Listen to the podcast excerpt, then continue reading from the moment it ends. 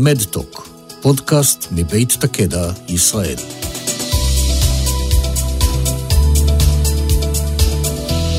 שלום לכולם, אני דוקטור סיגל שפרן תקווה ואני מנהלת את מרכז הדסה למחקר וחדשנות בסיעוד ואנחנו מתארחים היום באירוע דיגיטל Health Now, האירוע השנתי לבריאות דיגיטלית של בי וול בשיתוף המכון הישראלי לחדשנות, משרד הכלכלה, ישראל דיגיטלית ורשות החדשנות. ואיתי כאן באולפן נמצאים, נתחיל עם אביגיל, אביגיל לוין שהיא מנהלת שיווק בדאטוס וסאמר טועמה שהוא uh, CTO ו-co-founder של המוניטור. שלום לכם. שלום, שלום. שלום. אז בואו תכירו לנו, תציגו לי אתכם. אביגיל. שלום, נעים מאוד, אני אביגיל, כמו שאמרת, אני מנהלת שיווק בדאטוס.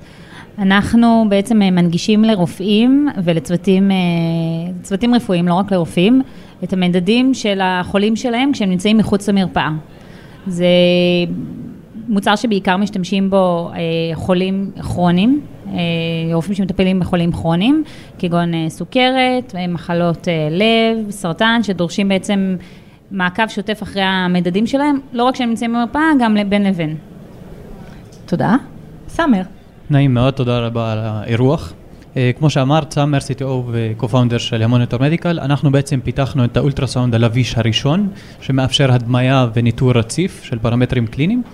אה, כרגע אנחנו משתמשים בו כדי לנטר פרמטרים הימודינמיים, פרמטרים של זרימת דם בטיפול נמרץ, כי זה פרמטרים מאוד חשובים לטיפול, לזיהוי מוקדם של מצבים של שוק ולניטור הטיפול שאנחנו נותנים.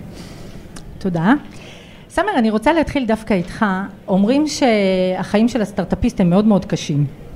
אז בוא תגיד לי בבקשה, בהקשר של ארגוני בריאות, אני מייצגת עכשיו את ארגוני הבריאות ואתה סטארט-אפיסט, איפה הקשיים שלך, איפה המחסומים, המכשולים, איך היית רוצה שארגון הבריאות יעבוד איתך בעצם? אז אה, קודם כל הייתי קורא לזה חיים מאתגרים.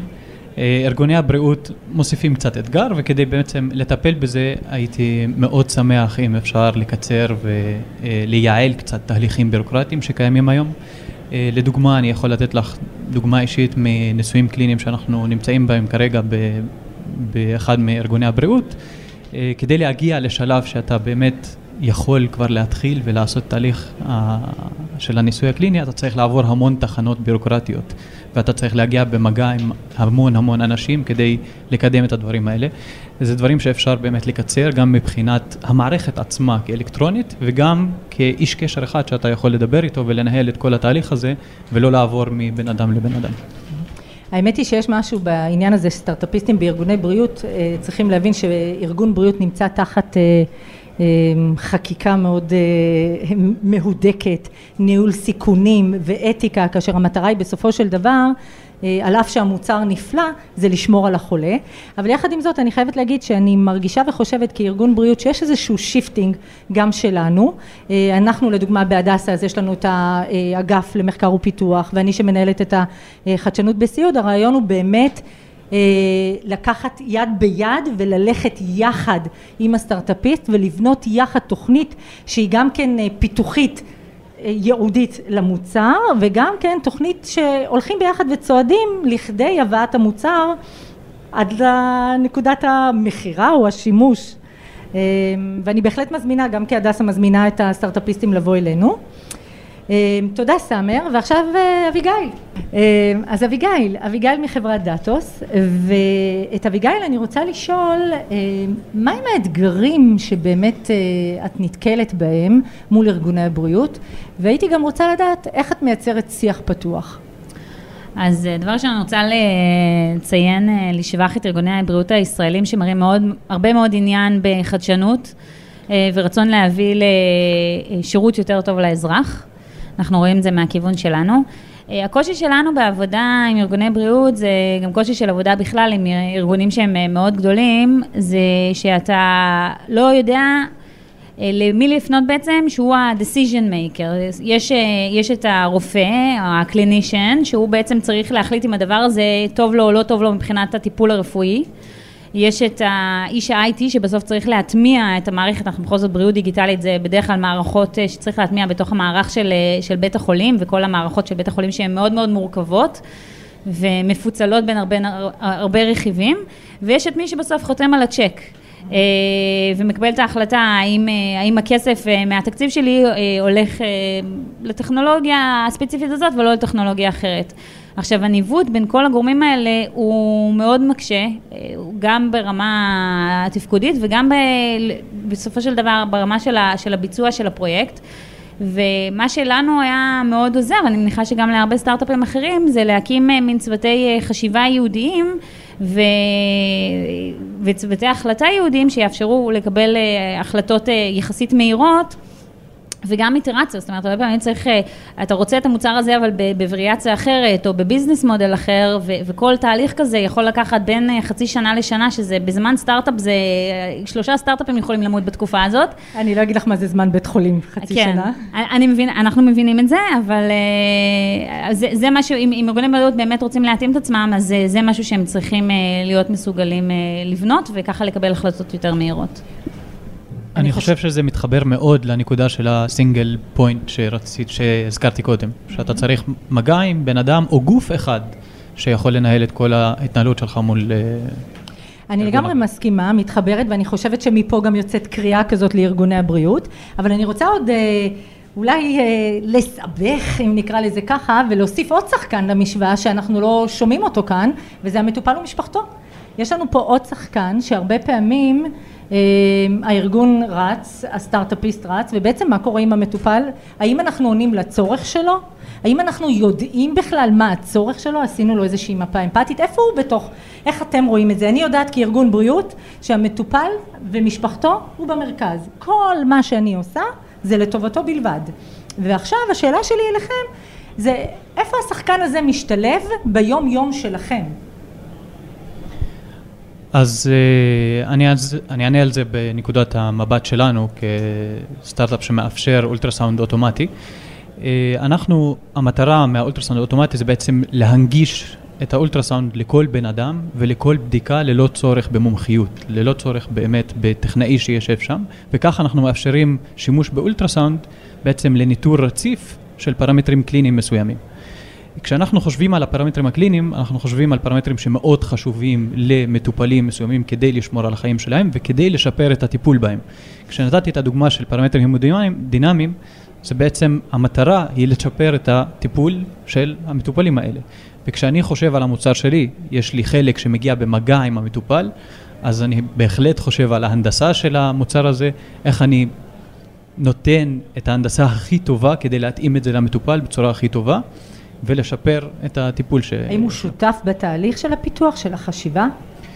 אה, בשלב הזה של, אה, של אפליקציה ספציפית של מטופלים שנמצאים בטיפול נמרץ, אז המטופלים הם פחות שותפים, מי שכן שותף זה הרופאים והאחיות שכל הזמן מטפלות בחולים האלה, שבדרך כלל גם אולי אה, ללא הכרה. אה, כשאנחנו יוצאים למוצר שהוא יותר מותאם לקונסיומר, אז אנחנו בהחלט לוקחים בחשבון את כל הפידבקים שאנחנו מקבלים מהיוזרים שלנו, אה, שהם המטופלים, אה, בין גרשיים כאלה, וככה מתאימים בעצם את המוצר לצרכים שלהם. אביגיל, הייתי רוצה גם לשמוע אותך. אצלנו בעצם ארגון הבריאות הוא המתווך. הניסויים והטיפולים שנעשים נעשים ישירות אה, על ידי ארגון הבריאות, הוא מחליט מי המטופלים שנכנסים למערכת, הוא עובד מול המטופלים במערכת, אז uh, הרבה מהמידע שאנחנו uh, מקבלים בעצם על המטופל ועל ההתנהלות שלו זה דרך ארגון הבריאות. אז לצערי בשלב הזה אין לנו ממש קשר ישיר עם המטופלים, יש פה גם עניין של חיסיון רפואי שהמטופלים לא רוצים שאנחנו נדע מי הם. אה, ואם כן יש אה, קשר עם אה, מטופלים, זה, זה נוצר דרך ארגון הבריאות, זאת אומרת בתיווך של, שלהם. כשהמטרה שלנו בקשר הזה זה באמת להבין אם המטופלים הם מרוצים מהמערכת, אם הם מקבלים את מה שהם רוצים, כי בסופו של דבר המערכת שלנו היא נועדה לטובת המטופלים, לקיצור, לייעול הטיפול, לחיסכון בהגעה למרפאה, למניעת הידרדרות של מצב החולה. אה, בצורה לא מבוקרת, ובסופו של דבר אנחנו רואים את המטופל לנגד עינינו, אבל רוב העבודה היא נעשית מול ארגון הבריאות, שהוא מתווך, וכשיש לנו הזדמנויות אנחנו כן אה, ככה מקבלים אה, נקודת מבט, וזה נקודתי, זה לא בשוטף. אוקיי, okay, אז אני חייבת לומר שכאחות, המשוב והמקום של המטופל הוא צריך להיות ממש הציר המרכזי, אני מסכימה בהחלט שזה צריך להיות דרך ארגון הבריאות, אבל אה, אני בהחלט מציעה וממליצה וחושבת שזה נכון לשלב את המטופל כבר בתהליכי החשיבה, כבר בתהליך של הגדרת האתגר, הניסוח שלו אפילו והמענה והפתרון שלו, כמובן וכמובן לשלב מולטי סקטוריאלית רופאים, אחיות, פיזיותרפיסטים, תלוי אה, במוצר עצמו ולשלב אה, מולטי סקטוריאלית את כולם אנחנו זוכרים כולנו ויודעים שכל מה שאנחנו עושים לטובת המטופל זה חייב להיות איתו. Nothing about me without me. אז אנחנו ככה בשאלה אחרונה הייתי רוצה לשמוע איך אתם רואים את הבית אה, חולים העתידי שלנו? אביגיל בבקשה. אז אה, זה מצחיק, אבל אני דווקא רואה את בית חולים העתידי מחוץ לבית החולים. אני רואה בית החולים כמקום הרבה יותר קטן, שהוא מרכז ייעודי לטיפולים מאוד מאוד ממוקדים, כשעיקר האשפוז בסופו של דבר ייעשה בבית. אה, אנחנו לא מקבלים את הנתונים האלה ב-day to day ואנחנו לא מודעים להם אפילו, אבל אה, כמות האנשים שמתים מדי שנה בבתי חולים כתוצאה מזיהומים, זה בין 4,000 ל-6,000 אנשים רק בישראל, שזה פי עשר מכמות אה, תאונות הדרכים שקורות בשנה, בשנה, ואנחנו פשוט לא, לא מודעים לזה. אני לא מכניסה את uh, העניין של נפילות בבתי חולים, שזה משהו שאנחנו גם לא מודעים אליו. הסביבה הטבעית של המטופל היא בבית. וככל שנצליח להנגיש את, ה, את הטיפול הביתה, זה יהיה מבחינתי ומבחינת גם uh, החברה uh, אידיאלי, וגם משרד הבריאות מתחיל לראות את זה ומעודד בתי חולים ומעודד גופי מחקר, לראות איך הם יכולים להוציא את הטיפול החוצה.